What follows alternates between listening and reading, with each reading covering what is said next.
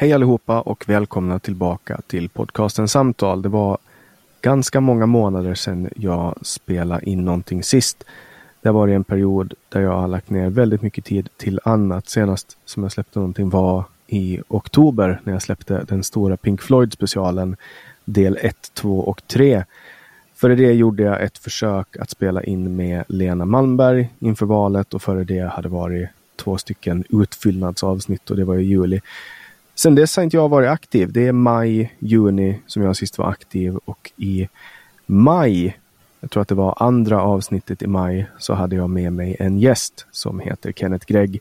Och han är en finsk soldat som är nere i Ukraina. Det här avsnittet spelar vi in på engelska på grund av att det fanns en viss eh, internationell relevans. Och det här avsnittet eh, påverkar mitt liv ganska mycket. Därför att några månader senare i december, januari, eh, sex, sju månader senare så kom det sig att jag tackade ja till att bli inbjuden eller tacka ja till en inbjudan till Ukraina.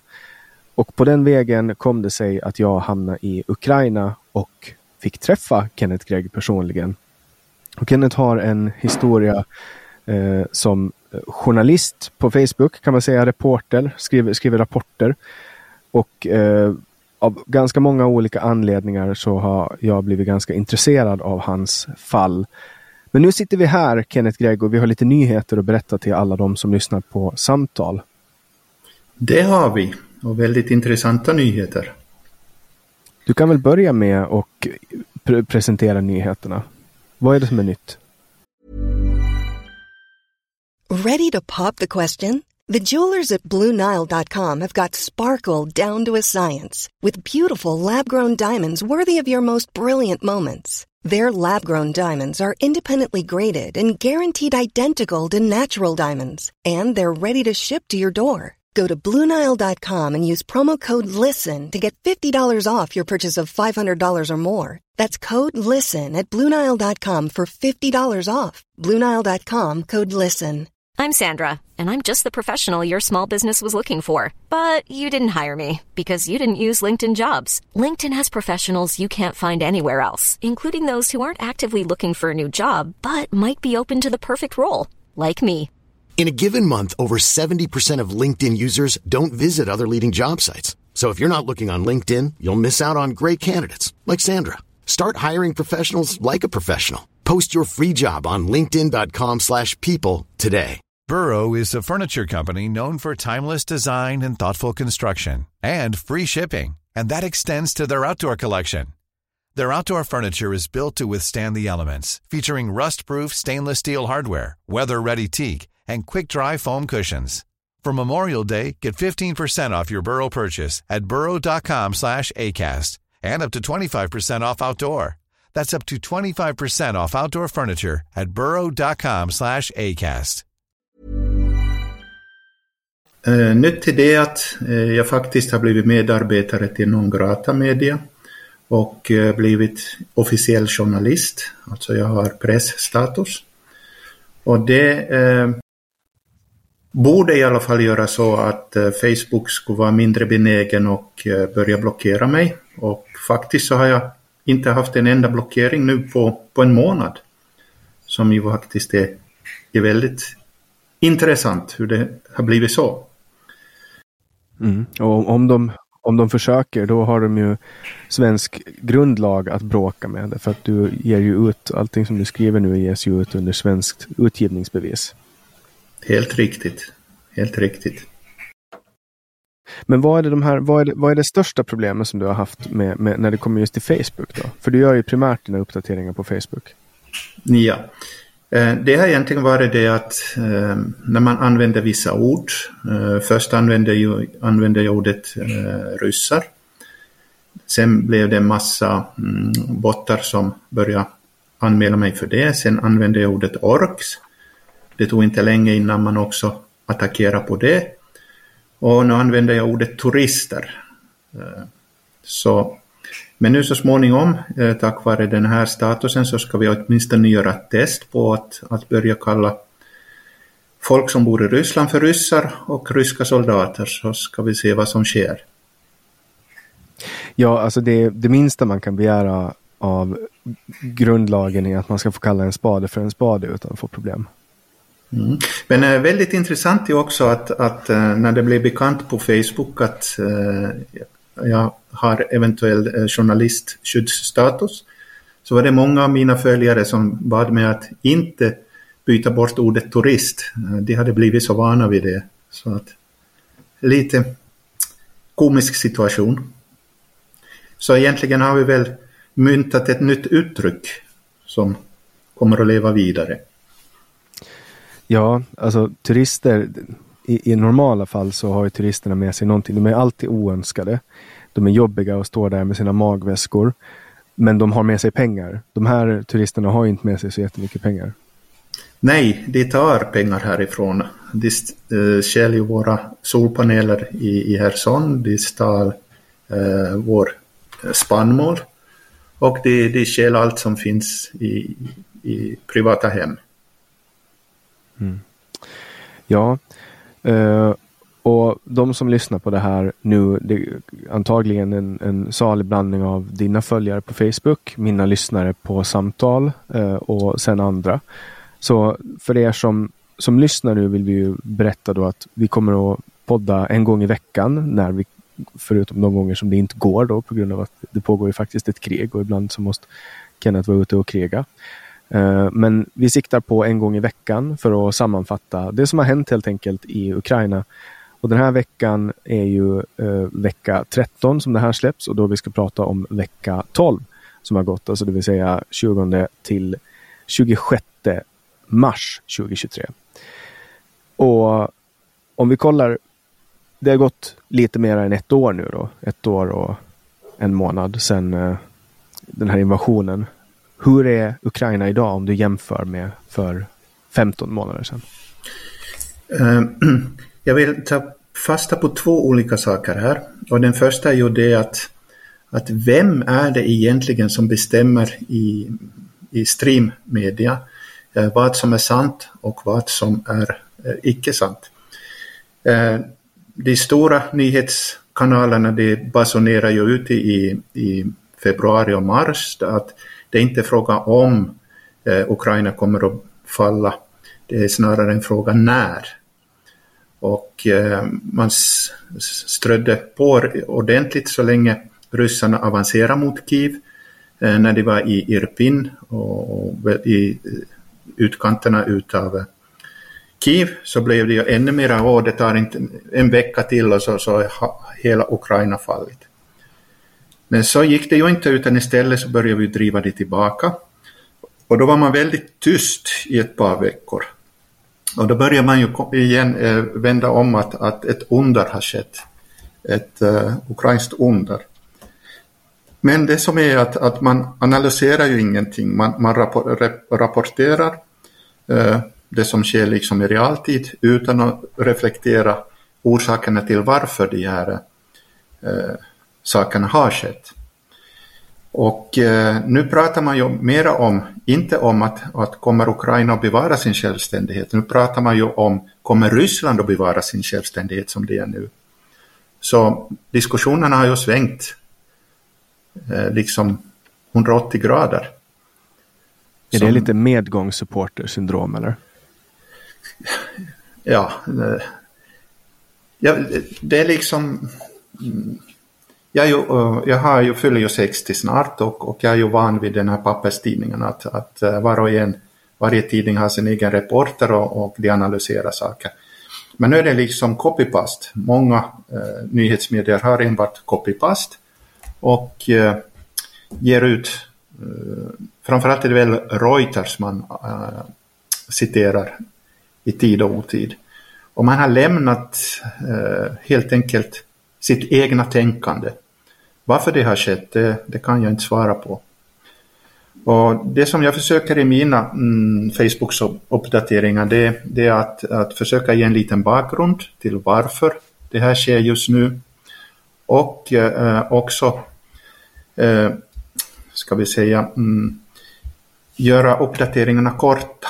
Att det, eh, en uppdatering på Facebook som är för lång läser ingen så, så eh, det, det, det är liksom den taktiken som jag har haft. Att försöka ge förklaring till varför det sker, hur kommer det att se ut och korta uppdateringar. En ganska rolig grej, eller så här, jag ska inte påbörja den med att säga att den är rolig. En ganska häpnadsväckande sak som jag upptäckte personligen angående den här rapporteringen. Det var att jag kom till, eh, jag kom till eh, Kiev i slutet på januari.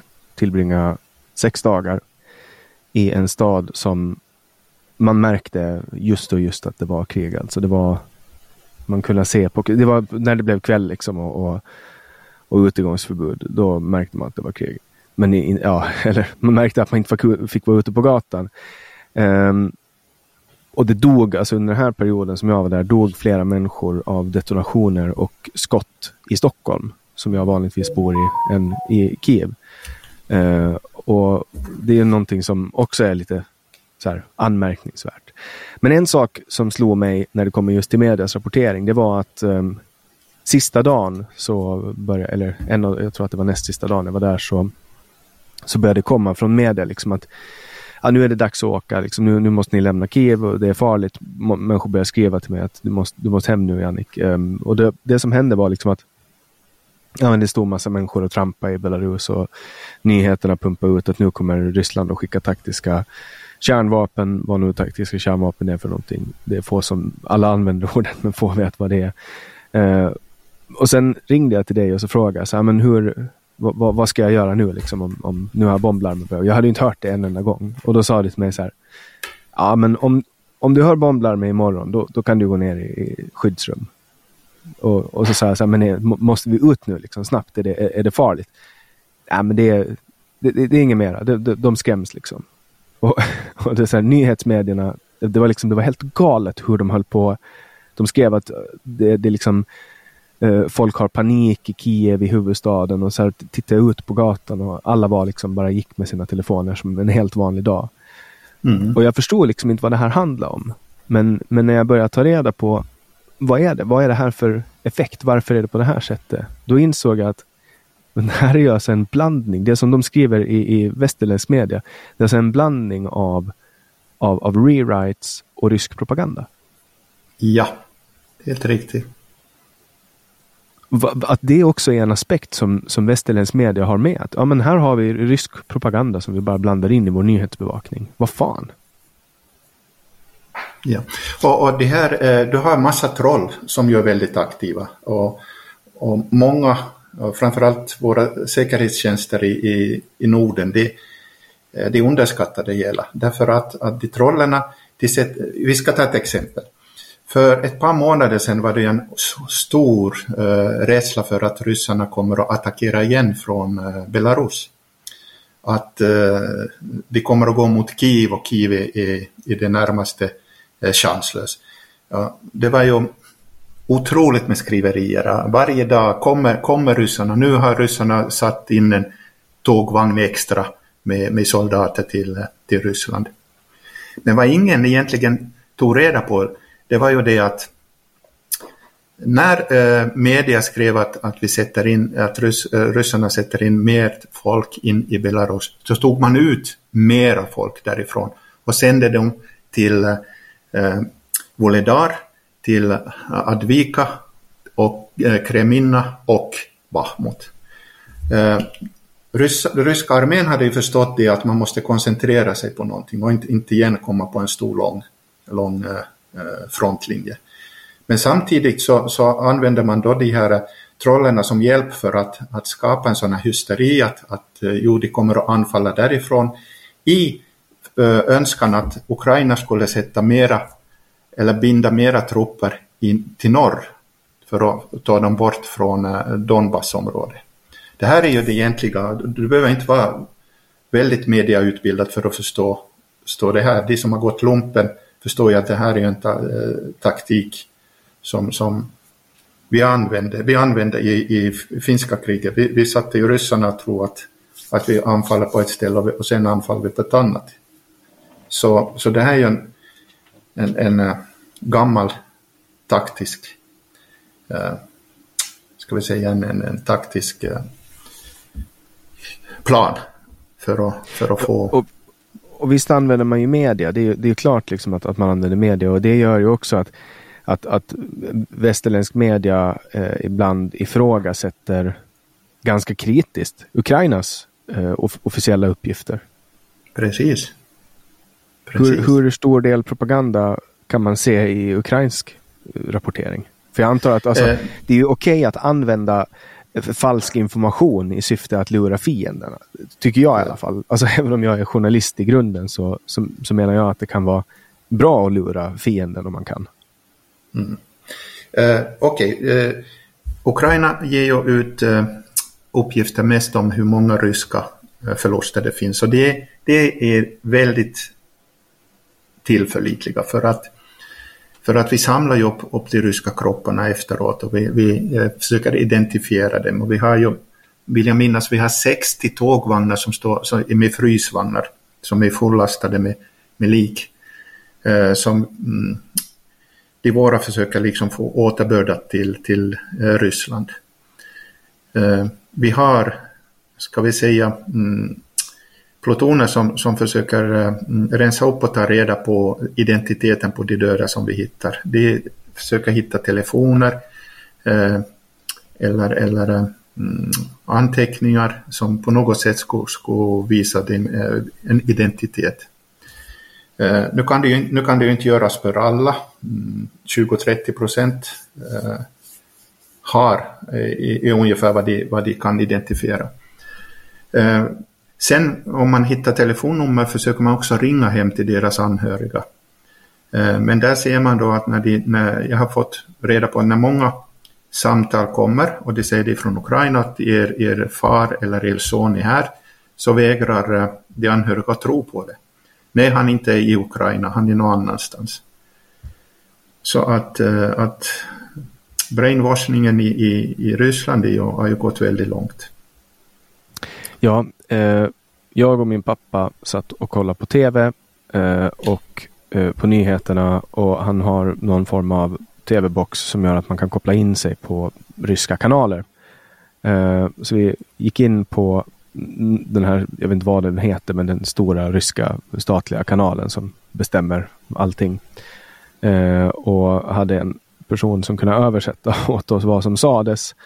Och det var liksom de, de tog liksom så här filmer på Zelensky eh, och liksom dubba till ryska. Där han, alltså så här helt, de bara, alltså, det, det var sådana uppenbara hittepå fasoner så att det är liksom, och det är så, så dumt redigerat. Det är nästan som att det, det, är barn liksom. Som att man talar till barn när de pratar med propaganda till befolkningen. Mm, helt riktigt. Helt riktigt. Sen förstås eh, kritiken på att, att eh, eh, vi använder som propaganda, men nu är vi ju väldigt, vi ger ju egentligen inte ut hur eh, stora förluster vi har. Och, och, det har ju att göra med, med det här eh, att försöka hålla moralen uppe här eh, hemma. Vi har förluster, det har vi och det vet, det vet också varje by i Ukraina. De har någon av sina söner som har, har stupat i kriget. Men skillnaden mellan, mellan Ukraina och Ryssland är det att Eh, vi, ukrainarna och vi frivilliga, vi accepterar det här priset. Vi accepterar det här priset att, att hålla Bachmut eh, i och med att syftet är att få ut utarmat eh, ryssarnas elitsoldater som vi har ju utarmat nu de här eh, köttkvarnarna och nu, nu är det ju elitsoldaterna som är kvar i, i Donbass. Och ju, och ju mera vi kan gallra de eh, innan vi sätter in, in vår storoffensiv, desto mera liv sparar vi ju eh, i det skedet. Så att eh, det är ju väldigt många som, som har varit kritiska till att varför vi inte drar oss tillbaka och även jag var, var eh, kritisk att, att försöka spara våra liv. Men i, i sist och slutligen så hade då militärledningen rätt. För krig är ju i princip en matematisk ekvation. Det är frågan om resurser. De som har mest resurser, de vinner kriget. Och eh, just nu så har varken ryssarna resurser eller vi har resurser till ett långt utdraget krig. Man kan också prata om work smart, not hard. Uh, ja. Och det är väl där som Ukraina trumfar Ryssland med hästlängder. Helt riktigt. Det är så sant som det är. Hur är läget i Donbass och i synnerhet Bachmut nu då? Uh, nu uh, så de här uh, har ju Wagner, uh, Wagnergruppen, de har ju nu fått av den reguljära ryska armén förstärkningarna på flankerna. Och armén vet ju, för, vet ju redan att, att den här situationen som är just nu, det kan inte fortgå i all evighet. För så man försöker nu med, med att, att, få in de nya förstärkningarna, försöker man nu till att få en, till ett avgörande. Så den här veckan, mm, som jag nu också själv är nere i, i, i Bachmutområdet och gör ett reportage om en, om en volontär, eh, svensk volontär. Så eh, det kommer att vara avgörande den här veckan. Hålla linjerna som allting ser ut att, att göra så kommer eh, ryssarna att ha nyttjat sina sista resurser till att, till att kunna göra några attacker. Och då måste de eh, gå in på försvar. Och sen är frågan då, har de eh, kunskaper, har de erfarenhet hur eh, strida i en, en defensiv? Eh, sen har vi ju, mm, vi har ju cirka 80 000 soldater där nu och vi har elitsoldater. Eh, och vi har format oss nu under eh, dagen, eller under gårdagen, så har vi faktiskt format eh, bataljonerna eller brigaderna till en spjutspets. Och då är det, eh, med en spjutspets så kan du göra försvar eller du kan också väldigt snabbt kasta om till, till en, en motattack. Så jag skulle säga att situationen just nu är hård men under kontroll och eh, avgörandet kommer att ske den här veckan. Hiring for your small business? If you're not looking for professionals on LinkedIn, you're looking in the wrong place. That's like looking for your car keys in a fish tank. LinkedIn helps you hire professionals you can't find anywhere else, even those who aren't actively searching for a new job but might be open to the perfect role. In a given month, over 70% of LinkedIn users don't even visit other leading job sites. So start looking in the right place. With LinkedIn, you can hire professionals like a professional. Post your free job on linkedin.com slash people today. Everyone knows therapy is great for solving problems, but getting therapy has its own problems too, like finding the right therapist, fitting into their schedule, and of course, the cost. Well, BetterHelp can solve those problems. It's totally online and built around your schedule. It's surprisingly affordable too. Connect with a credentialed therapist by phone, video, or online chat, all from the comfort of your home. Visit betterhelp.com to learn more and save 10% on your first month. That's BetterHelp, H E L P.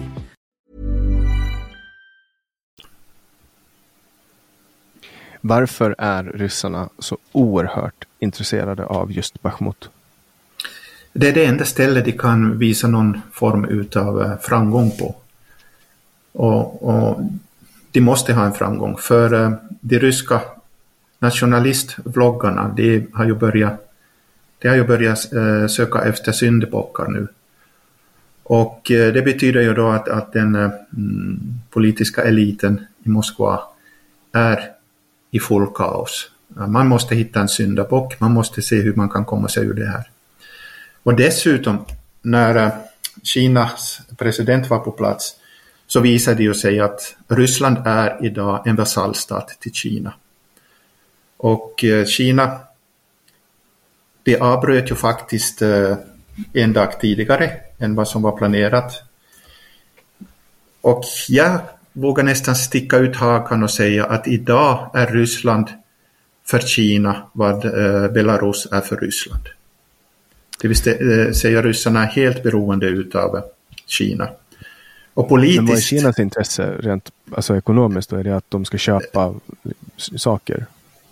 Det är ju det. det. Det är det enda. De vill ha billiga råvaror. Och Ryssland är ju full av råvaror. Och eh, Kinas, eh, börjar Kinas ekonomi sacka eller börjar börja gå dåligt, då, har, då går kineserna man ur huset. Då blir det, då blir det upplopp. Vi såg ju redan eh, ett smakprov på det under den här eh, nya coronarestriktionerna som man införde. Det, det var ju upplopp och eh, regeringen var ju tvungen att, att ta bort de restriktionerna direkt för att lugna ner situationen. Så om inte den ekonomiska eh, stabiliteten hålls, då blir det oroligt. Ja, eh, kineserna har ju, de har ju ganska många människor. Um, att, alltså, det är fruktansvärt mycket människor i Kina. Men hur, på vilket sätt har, har Kina varit delaktiga i det här kriget då, om man kollar rent liksom hittills? Eh, ska vi se, eh, Kina är ju politiskt, eh, håller ju med Ryssland, men också med, eh, med Ukraina, för eh, det finns ju också stora kinesiska intressen i Ukraina, framförallt inom lantbrukssektorn.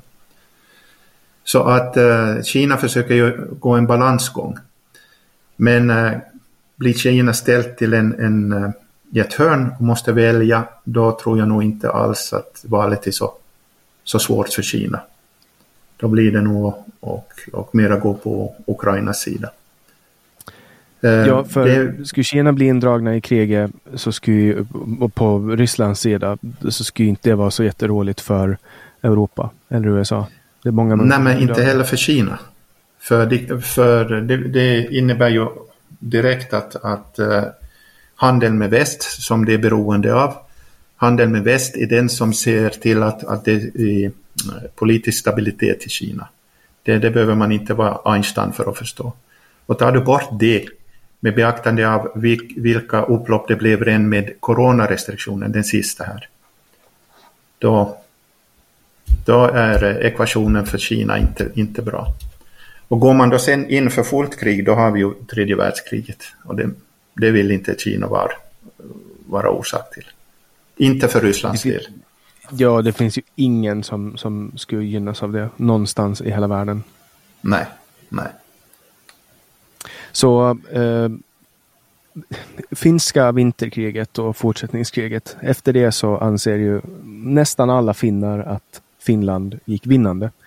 Eh, och det har att göra med att man kämpade så gott det gick och att man upprätthöll eh, sin nation. Så även om man tappade land eh, och en ansenlig mängd soldater så gjorde man ett väldigt bra jobb men fick acceptera landsförluster och man gjorde det med en stor heder. Liksom. Jag tror att Finland var väl det enda, krig, äh, enda landet som betalade sina krigsskadestånd till fullo.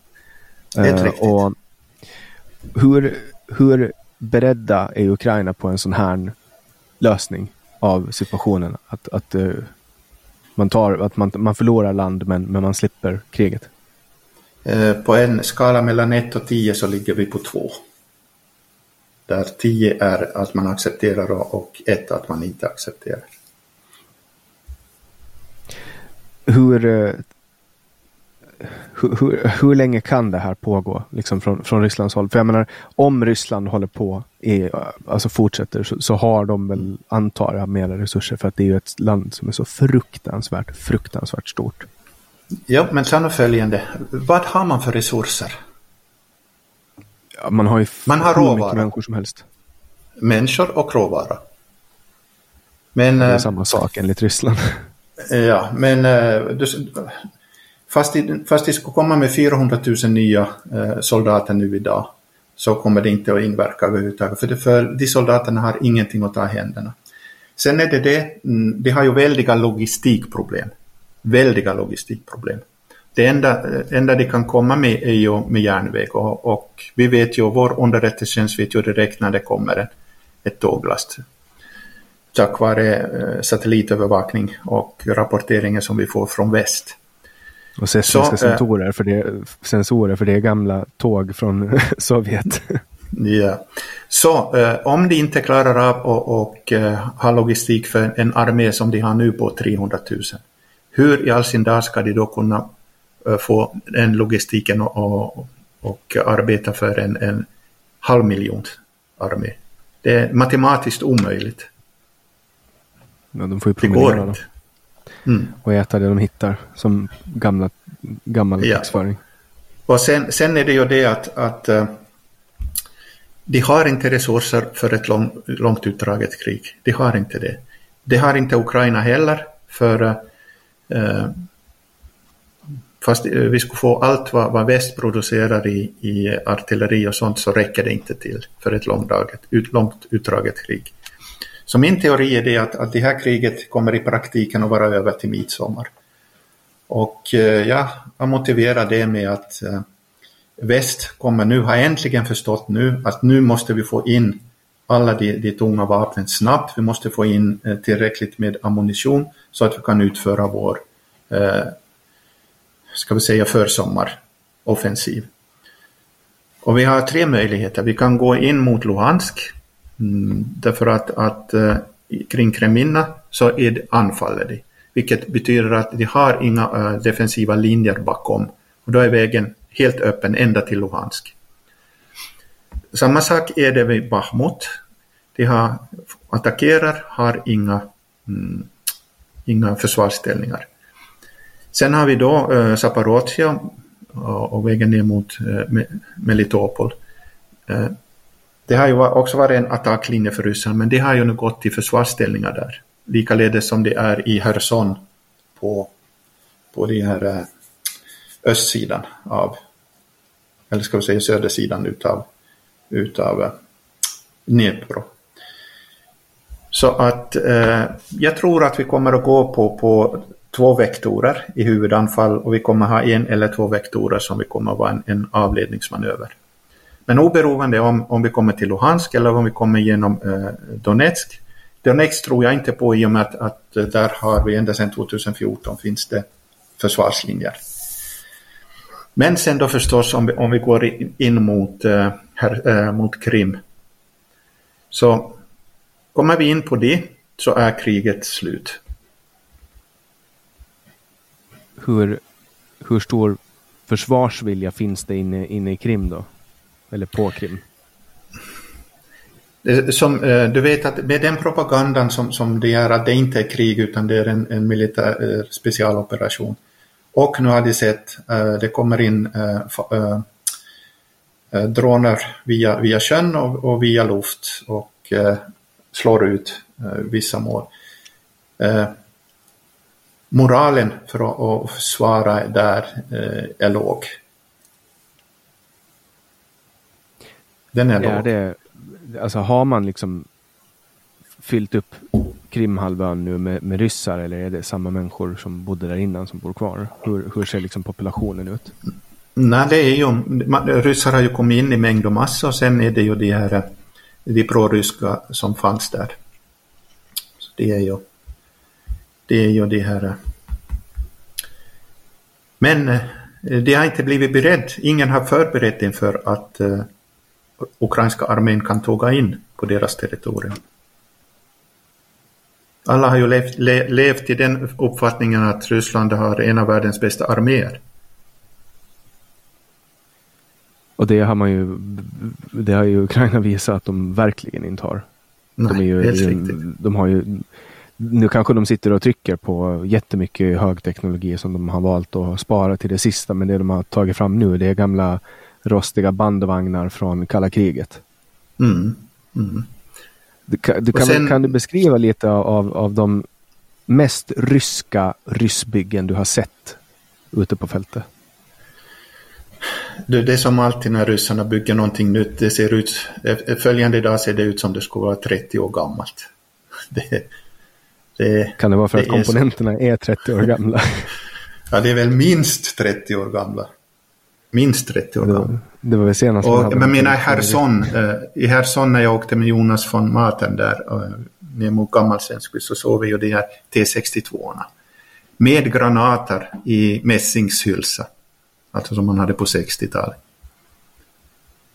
Och, och det var ju övergivna li, lite här och där. Det var inte heller beskjutna eller någonting utan bara övergivna. Med granater ja, och allt inne lite också det här med att man, man åker in i Ukraina utan någon egentlig plan. Man bara tänker att men vi åker och hämtar diesel vid någon station. Men mm. det enda man gör då om ryssen kommer är att man klipper av slangarna på, på bensinpumparna så, så kommer inte de att förstå hur man får upp dieseln ur cisternerna. Mm, helt riktigt. det... Då, då, står man där. Liksom. Vad gör man då? Man kan inte sitta kvar i den där, den där vagnen utan man får ju hitta någon annanstans. Liksom. Ja, nej absolut. Absolut. Men, men om man ser liksom ur, ur, ur liksom ett befolkningsperspektiv. det är alltså ett stort antal människor på flykt. Nu har ju många kommit tillbaks igen. Eh, men, men alltså, det här måste ju slå ut när en stor del av den manliga befolkningen är ute i krig. Det här måste ju slå ut produktion på ett sätt som är liksom svårt, att, alltså svårt att greppa.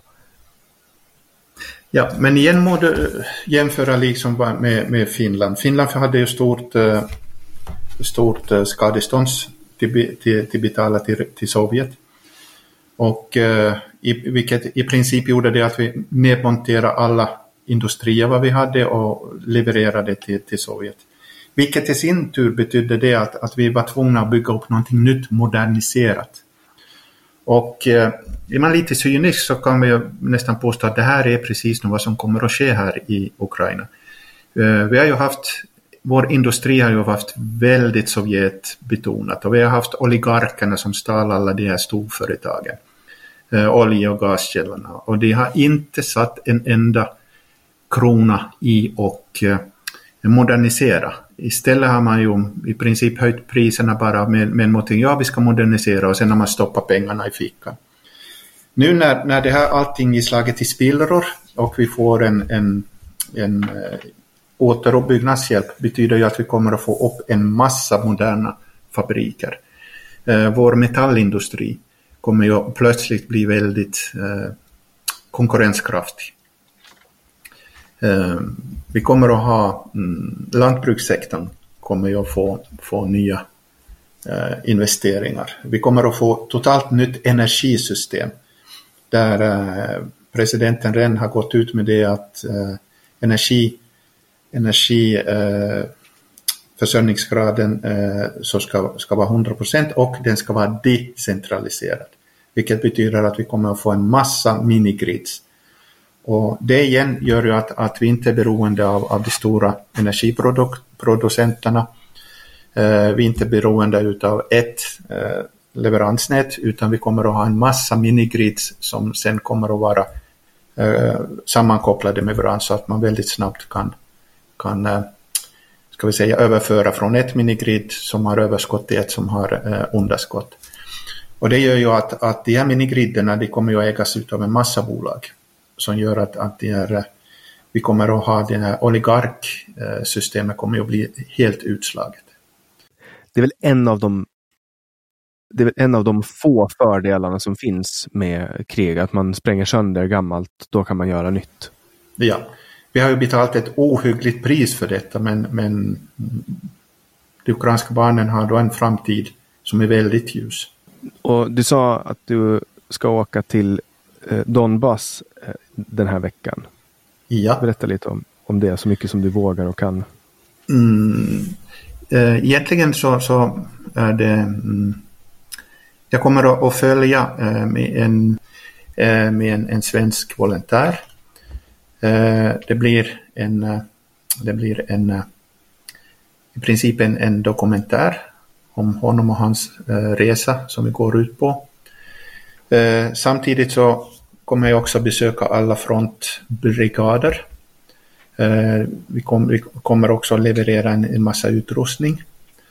Eh, vi kommer att och mera koncentrera mig på, på att förklara eh, människorna bak, bakom det här. Inte bara det här kriget, hur det går där och, och hur, hur vad är situationen, utan mera koncentrerat på, på själva soldaten, hur han mår,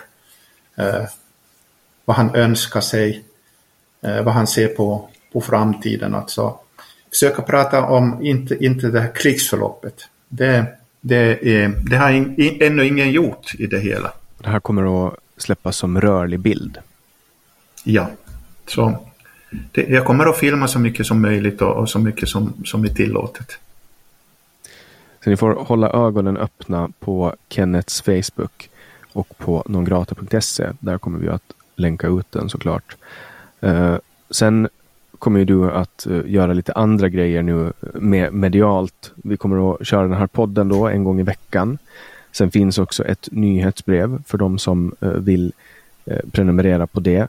Men sen finns det också någonting som vi gör i syfte att rädda dina kanaler ifall någonting händer. För man vet aldrig vad som händer. Och då finns det alltså en maillista som ni kan gå in på och skriva upp er och händer det någonting då med Kennets kanaler, då kommer ni att få reda på det. Och den, den hittar ni på eh, www.nongrata.se kennet backup. Där kan ni gå in och eh, skriva in ert namn och e-postadress och då får ni ett mejl ifall det är så att Kennets Facebook går ner. Eh, så det kan jag rekommendera starkt. För att man vet aldrig vad som händer och det kan ju vara så också att han blir begränsad ett tag. Då måste ju nyheterna måste ju ut på något sätt. Eh, och det är ett bra sätt att skydda sig. Så nongrata.se slash kennet backup.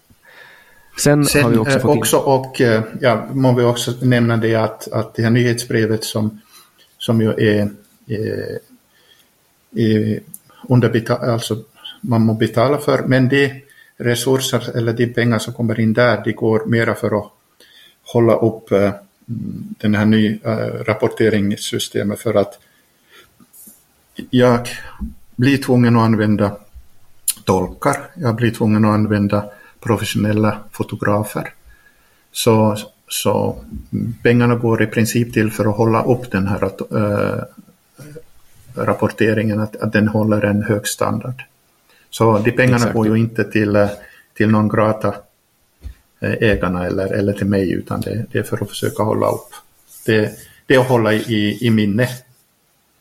Exakt och det är på något sätt ska man ju liksom eh, om man går upp i arbete så måste man ju också på, på något sätt få någon form av ersättning och eh, det lilla som vi får in på det här så går till system, till investeringar för att kunna göra sådana här saker bättre. Och jag kommer ju med ganska stor sannolikhet att komma ner snart igen och då ska vi göra lite andra saker eh, kopplat till media. Vi ska bland annat köra, vi ska sätta upp en liten studio så att du kan, en, en liten portabel studio så att du kan göra poddintervjuer eh, ute på fältet helt enkelt. Och, och sen håller du på att testa ut kamerautrustning nu för fält. För att någonting som är viktigt om man är ute på fält, speciellt om man är nära fienden eller bakom fiendelinjerna, det är att inte ha stora stativ som klonkar eh, bak på ryggen, utan man måste ha liten mobil utrustning.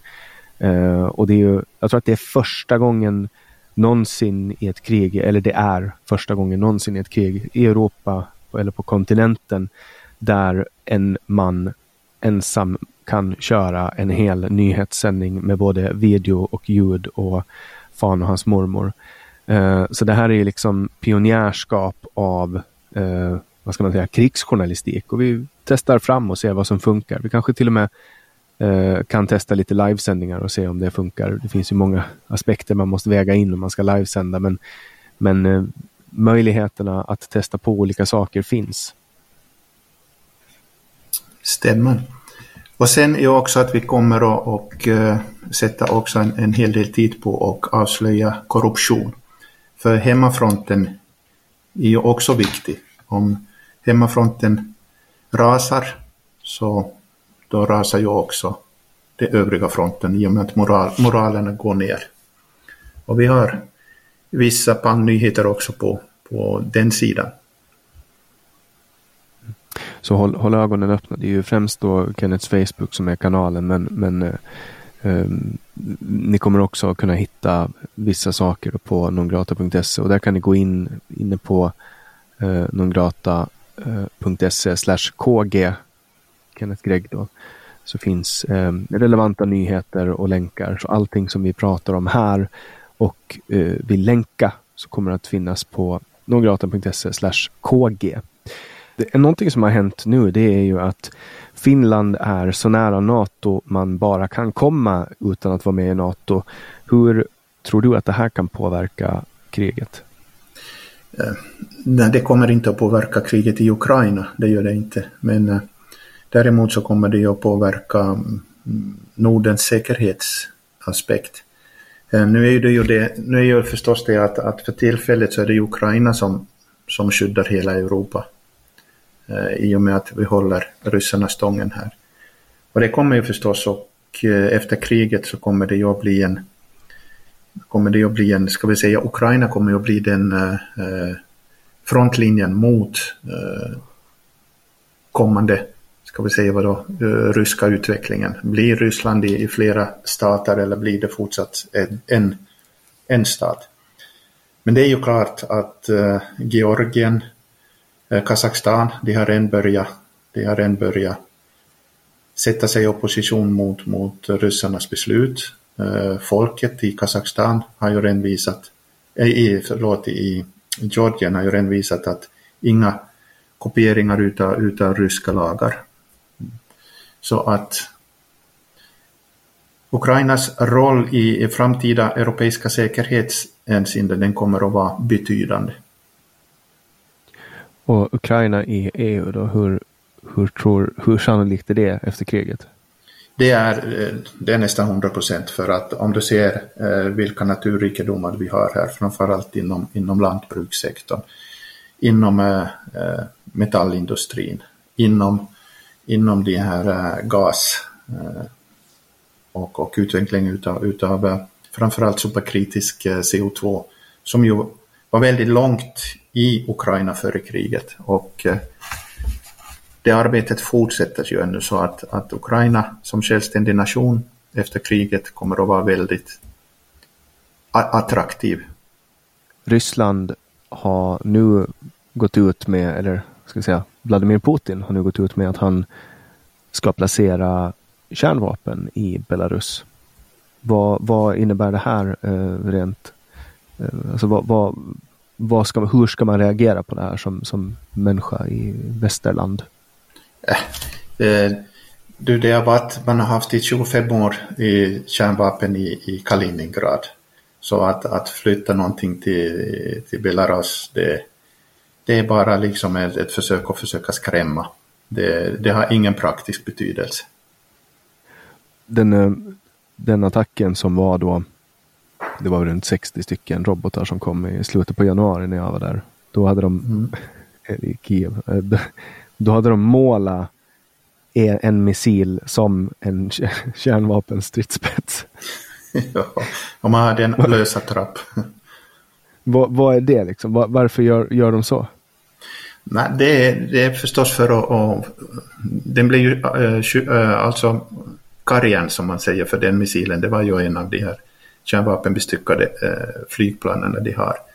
Som ju inte har tillräckligt många av för att, för att utföra en, en riktig kärnvapenattack någonstans. Så att eh, det hade ju två, två saker. Det ena var ju för att se var vårt luftförsvar fanns och sen var det ju att sätta skräck i befolkningen.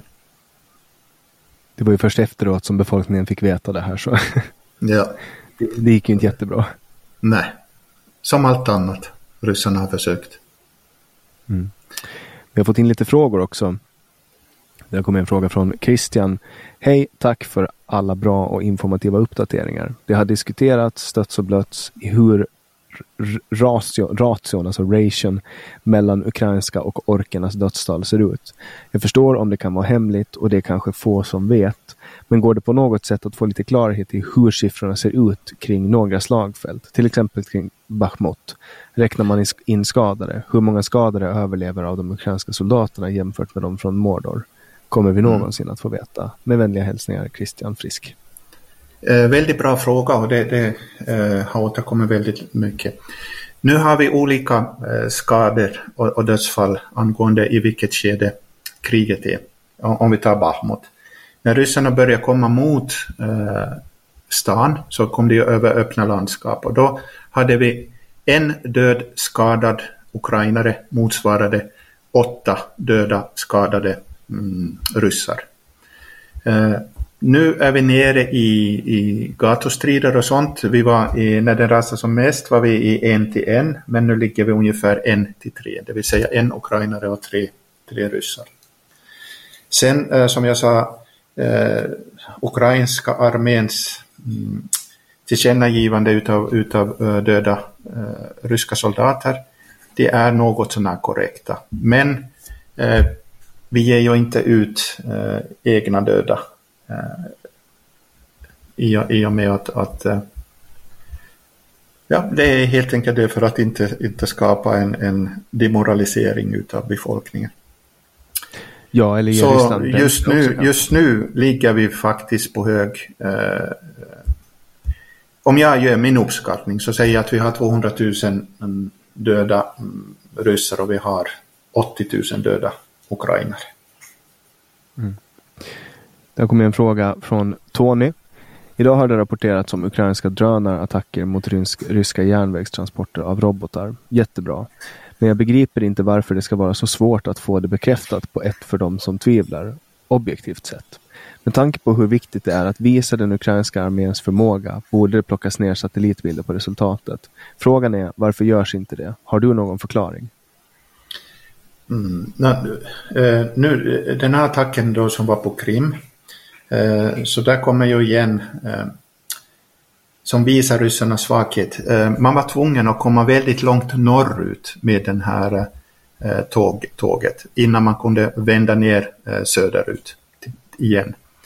Och det är ju ingen hemlighet att vi får satellitbilder från våra allierade. Så vi, vi vet ju i princip vad som finns och vad som kommer.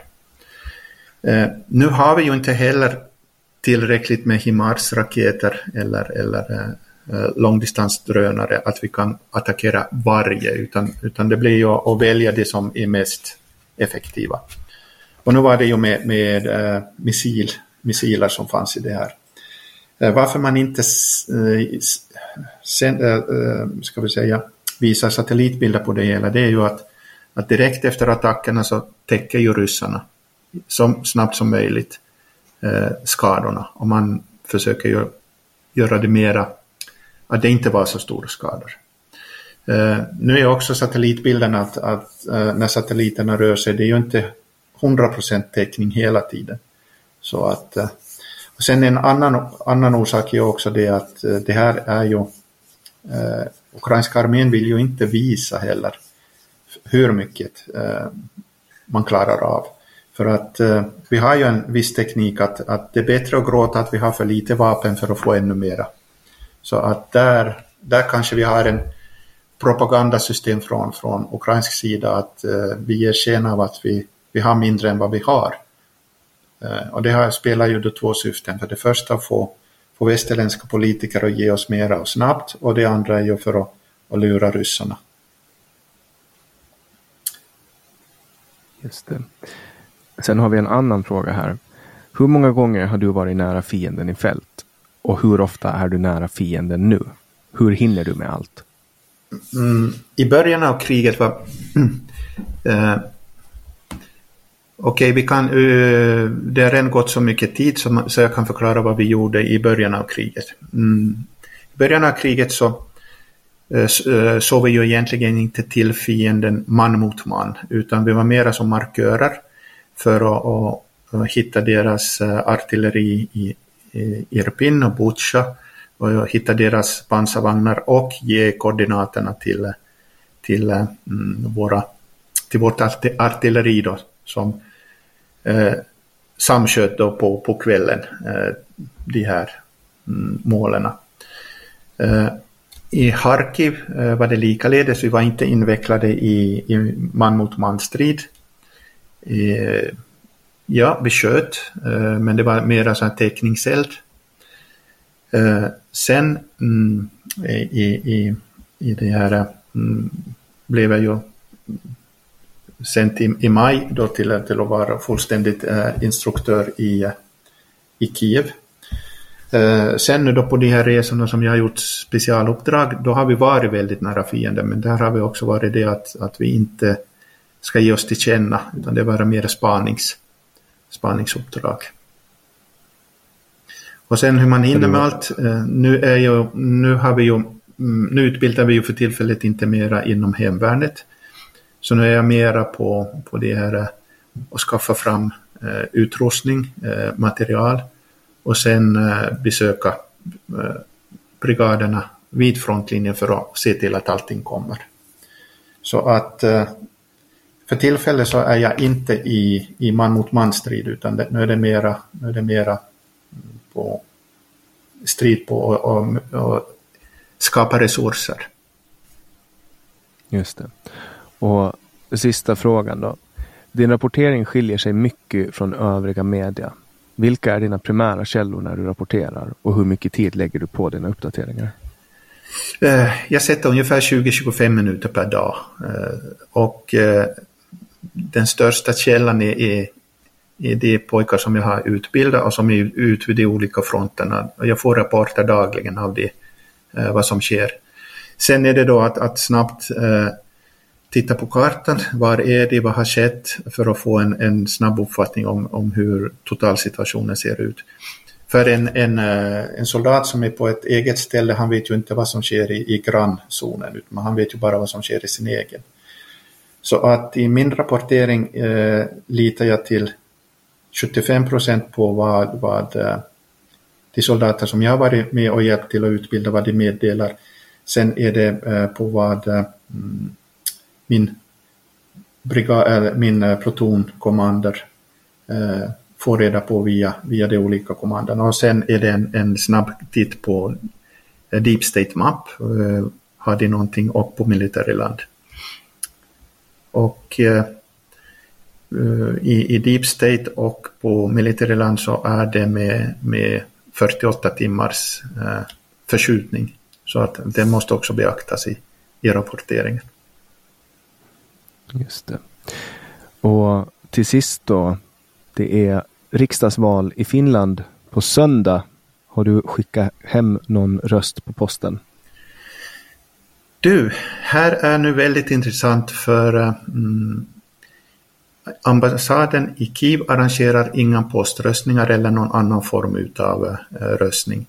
Så jag har helt enkelt blivit fråntagen med rätt att rösta. Eh, grundlagen mm. gör, gör, ju att, att varje medborgare ska ha rätt och att staten måste arrangera, eh, arrangera möjlighet att på en, inom en, en eh, inte för lång resetid för att åka och rösta. Och eh, jag blev uppmanad att åka till, till eh, Warszawa, till ambassaden dit. Och för, bara för att komma till, till Warszawa från Kiev så är det minst 24 timmars resetid. Och poströstning är inget alternativ då? Eh, vad ska vad, kunna poströsta här? Du måste gå in till ambassaden och där gör du ju egentligen din poströstning. Det är ju det som, som arrangeras och fast ambassaden är uppe här så uh, arrangerar man det inte för. Vi, vi finns cirka 40-45 finska medborgare som är kvar i här i Kiev. Så, och vi har, vi har nu inte fått någon möjlighet att rösta i det här valet. Det, det, låter, det låter faktiskt eh, besynnerligt. Eh, men det, om det är 45 röster för, för, för, till, till, fördel för någon, då, då, kanske man, då kan man ju återkalla valet. Um, ja, det som är ju väldigt konstigt, eh, motiveringen till det då var att, att säkerhetsläget. Men vi har ju ministrar och politiker och, och höga tjänstemän som travar här eh, dag som natt. Där är det då ingen fråga om någon säkerhet, så att varför kan man då inte arrangera en, komma överens för 45 personer att vilken tid man kommer och, och röstar och du har en, en eh, tjänsteman på ambassaden, för den är, det är ju bemannade, den är bemannad, men inte, inte det här eh, kundtjänst. Men vad bra, då har vi dragit av det här första avsnittet och vi återkommer ju igen nästa vecka är eh, målet. Vi hoppas att du är på en plats där det finns internettäckning helt enkelt. Annars får vi försöka göra det över telefon. Annars när du helt enkelt är tillbaks i täckningsskugga. Yes. Jättestort tack Kenneth för idag och jättestort tack till er som har lyssnat. Det är jättekul att vara tillbaks här och nu när den här hetsiga perioden av nystartade företag börjar på något sätt inte lugna sig, men jag börjar adaptera mig, så kommer ni återigen att få höra mig i podcasten Samtal och nu för en överskådlig framtid också Kenneth Gregg. Så jättestort tack till alla som har lyssnat. Gå in på www.nongrata.se om du vill se mera av de här eh, uppdateringarna eller få mera information. Det är ju där som den här podden ges ut numera. Jättestort tack till alla igen och väldigt roligt att vara tillbaks. Ha en jätte, jättefin vecka. Tusen tack och slava Ukraini. Herojem slava.